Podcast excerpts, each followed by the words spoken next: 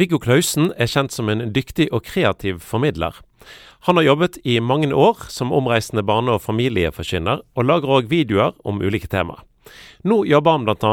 med prosjektet Velkommen hjem, som han omtaler som et trosopplæringsprosjekt rettet mot familier som ikke tenkte at de skulle ha noen tro. Men dette engasjementet for å formidle tro til barn og unge, hvor kommer det ifra? Det er nok at i utgangspunktet når jeg selv var barn, så fikk jeg høre mye god forkynnelse. Jeg var jo eh, jeg oppvokst i en kristen familie med både søsken og foreldre som eh, var aktive, og jeg var yngst, så jeg var liksom, alt var i gang når jeg ble født, så jeg ble bare dratt med. Og var veldig fascinert av eh, bibelhistoriene og predikantene som kom og fortalte, og leirer og ja, det, det der ble jeg veldig, veldig glad i, og hadde lyst til å fortsette med det.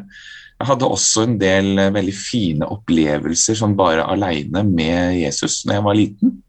I 10-11-12-årsalderen og oppover i tenåra.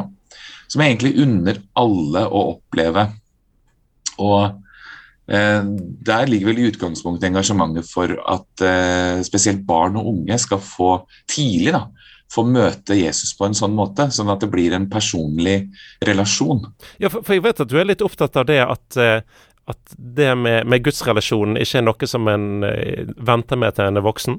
Ja, det er kjempeviktig. For det man opplever som barn, hvis man får oppleve det på en god måte, og, og en, at, de, at, man får være seg sjøl, og at, man, at ikke noe blir tvunget nedover skuldrene på en, uh, og at man bare får nærme seg Jesus og gjøre erfaringer med han, det må jo være gull for, for resten av livet, tenker jeg. Så engasjementet har du med andre ord hatt der ganske lenge. Eh, hvis du skal eh, prøve å formulere hva er det du vil eller ønsker med, med f.eks. Velkommen hjem? Eh, der ønsker jeg nok først og fremst å eh, rett og slett bare introdusere Jesus for nye som ikke kjenner til verken historiene Det er jo ganske blankt når det gjelder en oppvoksende generasjon og kanskje unge foreldre også, i 30-åra i Norge nå, så er det ganske blankt i forhold til det å vite noe om han i det hele tatt. Man, man, tenker veldig sånne religiøse tanker, er min erfaring når man kommer inn på Jesus og kirken. Og, så blir det veldig upersonlig. Og, så jeg ønsker å presentere Jesus på en veldig eh, litt sånn rå og personlig og nedpå måte, da, så folk kan, eh, kan, identifisere seg med det. Vi nevnte at, at engasjementet ditt starta tidlig, og så har jo du jobba masse eh, med formidling av, av kristen tro. Eh, det at jeg lurer litt på, hva, hva trenger du eh, å ha i bunnen for egen del for å på en måte opprettholde engasjementet og driven? Ja, Det er et godt spørsmål. Det har, det har jeg jo eh, tenkt mye på. Jeg har jo erfart etter hvert at jeg tror nok at stillhet og tid, eh, som ikke det er så veldig mye av i, i, livet og i hverdagen, blir mer og mer viktig jo eldre jeg blir. At jeg kan få satt av tid og være være stille, ikke gjøre så veldig mye, men bare være sammen med, med Jesus. Eh, det er jo en sånn litt abstrakt greie. Hvordan ser det ut? Og det har jeg spurt meg sjøl om mange ganger også. At, eh, hvordan skal jeg komme til Gud? Hvordan skal jeg bruke tid? Skal jeg lese mer i Bibelen? Skal jeg be mer? og sånne ting, Men det handler nok mer om å være og bare kjenne på den papparelasjonen som man kan ha med Gud. At han er, han er, pappa, og han er glad i meg, han liker meg, han er, liker å være sammen med meg. Og så bør ikke jeg gjøre så veldig mye, men bare kjenne på den aksepten og den kjærligheten. Det er nok eh, blitt noe av det viktigste for meg. Viggo Klausen har vi altså eh, med oss. Vi snakket i sted, Viggo, om at du kjente litt behov for det der med stillhet eh, i, altså i gudsforholdet ditt. Eh, du har fått ganske masse tid til å tenke i forbindelse med at du gikk en eh, relativt lang tur, som du startet på i 2018. Helt fra Lindesnes og til Nordkapp. Hva var det du kom fram til? Et sted mellom 2600 og 3000 km? Det er en mm. sånn type litt sånn vill idé eh, som du faktisk gjorde alvor av. Hvordan dukka den ideen der opp? Jeg gikk svanger med den ideen en god stund før jeg turte å slippe den ut av sekken. For gjør man det, så må man liksom gjøre det. Eh, det var et utgangspunkt et sånt overvektsproblem som jeg ikke hadde noen motivasjon til å gjøre noe med. Og så merka jeg at det var motivasjon i den ideen å gå Norge på langs. Jeg kan ikke huske når jeg fikk den eller hvordan jeg fikk den, men, eh, at det var motivasjon i den, var det i hvert fall. Så jeg gikk og liksom ruga på det noen år faktisk, og merka at det var motivasjonen som vedvarte. da. Så når jeg slapp det endelig ut av sekken så, og spurte kona mi først da, selvfølgelig, om jeg kunne få lov til å være borte i noen måneder og gå den turen, så, så ble det alvor. Og da begynte jeg å forberede meg, og brukte et par år på det, faktisk. Hvordan forbereder man noe sånt? Slutter å spise sukker, blant annet. jeg måtte, måtte, veie en del mindre for å begynne på den turen, så jeg gikk ned 25 kilo på to år. Og jobba litt med, med, å få det til. Eh, hovedgreia mi var å slutte med sukker. da. Og så var det jo det å tenke ut hvordan eh, Hvor skal jeg gå, og eh, hvilke ruter skal jeg velge? Hvordan skal jeg pakke, og ja, hvordan skal jeg løse de praktiske utfordringene? Det brukte jeg mye tid på. En annen ting er motivasjonen for noe sånt. Det er, altså, hva ga deg lyst til å gå en lang tur? Jeg er egentlig veldig glad i å gå. Det var det som var problemet, at jeg ikke kunne lenger. Da, for Jeg var så tung, kunne ikke gå på ski, kunne ikke gå i skauen og sånne ting som jeg liker. Eh, jeg er ikke noe veldig villmarksfyr, det er jeg ikke. Så jeg valgte å gå langs vei, da, fordi at eh, å gå ut i skogen og sånn, det ville jeg nesten ikke turt å bi meg ut på. Eh, så det var rett og slett en sånn vanlig enkel mosjonist som meg, som tenkte at det må da gå an, det. Å gå Norge på langs selv om man ikke er toppidrettsutøver. Sleit du ut mange sko? Ja, det er det mange som spør om. Ja. um, det er jo et sånt eh, spørsmål om når har man slitt ut skoa. For det er jo viktig når man går på sånne harde underlag, at skoa er gode egentlig hele tida. Ja. Så man har slitt ut skoa egentlig lenge før man har slitt de ut, i den forstand at det ser utslitt ut. Ja. Eh, men Så jeg gikk nok litt på de litt for lenge, så jeg brukte egentlig bare totalt to-tre par på hele turen. Og så har jeg sett at eh, altså, jeg tenker ut på tur, du går med ryggsekk, men det var ikke ryggsekk, det var vogn? Ja, jeg fikk eh, en venn av meg til å lage en tralle som eh, så ut som en kommode, på en måte, som hadde sånne Ikea-skuffer eh, inni. Og, og, den fungerte veldig bra. Veide jo en del, veide 75 kilo. Det er jo fordi at jeg ikke kan eh, trå helt ut av komfortsonen. Jeg måtte ha med meg litt av hvert forskjellig. Eh, men det ble et godt sånn intervalltreningsapparat, egentlig. For den, for den merka jeg kun når jeg gikk oppoverbakker, for den gikk på tre hjul, så den lå liksom bare sånn og og trilla fint etter meg når jeg gikk på flatmark. Og så bremsa han litt når jeg gikk nedover, for den hadde sånn påstøtsbrems, sånn som en campervogn. Så i oppoverbakkene så kjente jeg på den, da. Og da var det liksom å stresse litt i oppoverbakkene, og så slappe av ellers. Så det ble egentlig en god venn etter hvert, den vogna. Men du, hvordan er naturopplevelsen av å gå Norge på langs? Helt fantastisk. Jeg, jeg gikk den lengste strekket i 2018, eh, da vi hadde en sånn tørkeperiode faktisk i Norge på våren. Eh, så jeg fikk med meg hele vårløsninga i varmt og sol og fint i uke etter uke etter uke. Oppover Østerdalen og over til Trondheim og, og innover der. Så det var, eh, det var helt fantastisk. Jeg, jeg, gikk jo på veier som det også kjørte biler. Eh, så valgte ikke jeg de veiene med aller mest trafikk. Men tross det så fikk jeg mange skikkelig gode naturopplevelser. Viggo Klausen, vi pratet her i sted om eh, hvor mange sko du hadde slitt ut, og du gikk fra Lindesnes til eh, Nordkapp. Riktignok i eh, litt sånn etappevis. Først tre og en halv måned i 2018, så noen uker i 2019 og noen i 2020, og én uke til slutt. Siste etappen fra, fra Alta var faktisk nå i, nå i sommer. Eller på forsommeren. I mai, så 17. eller 16. mai, så gikk vi i snøstorm over en av de siste fjellovergangene før Magerøy. Helt, helt i nord. Du, jeg er litt uh, interessert i å høre hvordan var opplevelsen av å gå de første fem dagene kontra en eller annen gang sånn midt i når det hadde gått noen måneder, kontra siste dagene på vei fram mot Nordkapp? Uh, de første dagene og ukene faktisk var veldig eh, Litt sånn stressende, fordi at det var jo ganske sånn ensidig å gå sånn langs veien. Det er jo den hvite stripa du følger, ikke sant. Og så er tanken der med det der lange norgeskartet som du bare akkurat har begynt på. Eh, følelsen av at det er kjempelangt igjen, og hvordan skal det her gå? Og jeg kom jo rett ut av en arbeidssituasjon hvor, eh, hvor alt var i full, full fart, og så ble det helt stille. Så jeg brukte faktisk fire uker på å komme i en sånn romodus hvor jeg liksom ikke, Jeg kunne ikke stikke av i en film eller, eh, eller eh, noe jobb eller noe annen underholdning. eller sånn. Jeg måtte bare være der langs veien. Eh, og det var da det begynte en sånn åndelig prosess som jeg egentlig ikke hadde forutsett.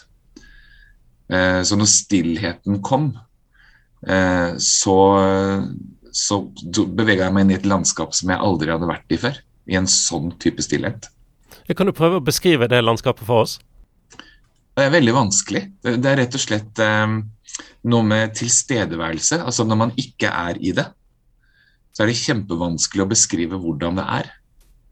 For man må, man må, på en måte være i bobla, være i den tilstedeværelsen. Men det, men det jeg husker med det, det var at det var en sånn utrolig avslappahet. En sånn uh, her, Jeg har ingenting jeg skal rekke, jeg har ingenting på meg. Jeg kan bare rusle i akkurat den farta jeg vil. Jeg kan stoppe når jeg vil, jeg kan gå når jeg vil. Jeg kan tenke, jeg kan snakke jeg kan, altså det, det, var liksom stor frihet da, innenfor eh, sånn uoverstigelig framtid, som det føltes ut som. men, men, det høres ut som at du ikke Altså at, at Gud var inn, inn, i dette her for deg? At det ikke bare var, bare var senkete skuldre og god tid det dreide seg om?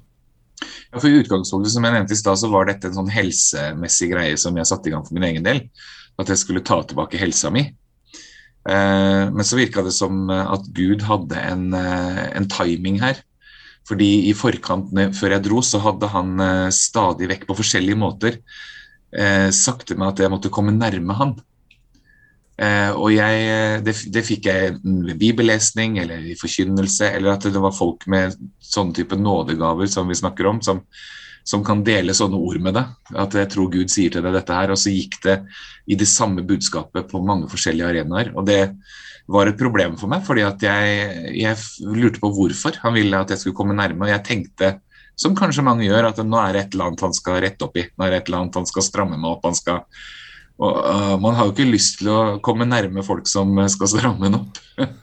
så jeg trakk meg litt unna. Og, men når Gud stadig kalte, så, så, lurte jeg på ja, men hvordan skal jeg komme da? Hvordan skal jeg komme da? Skal jeg lese mer? Skal jeg be mer? Eller? Og så virka det som om Gud bare sa kan du ikke bare møte opp? Kan du ikke bare komme og være? Eh, og Det var det som skjedde de første ukene jeg gikk, at jeg opplevde at Gud sa til meg Og da hører ikke jeg stemmer og sånn, men jeg har etter hvert lært meg at den stille stemmen i hjertet og i tanken er Guds stemme. Jeg velger å tro det, i hvert fall.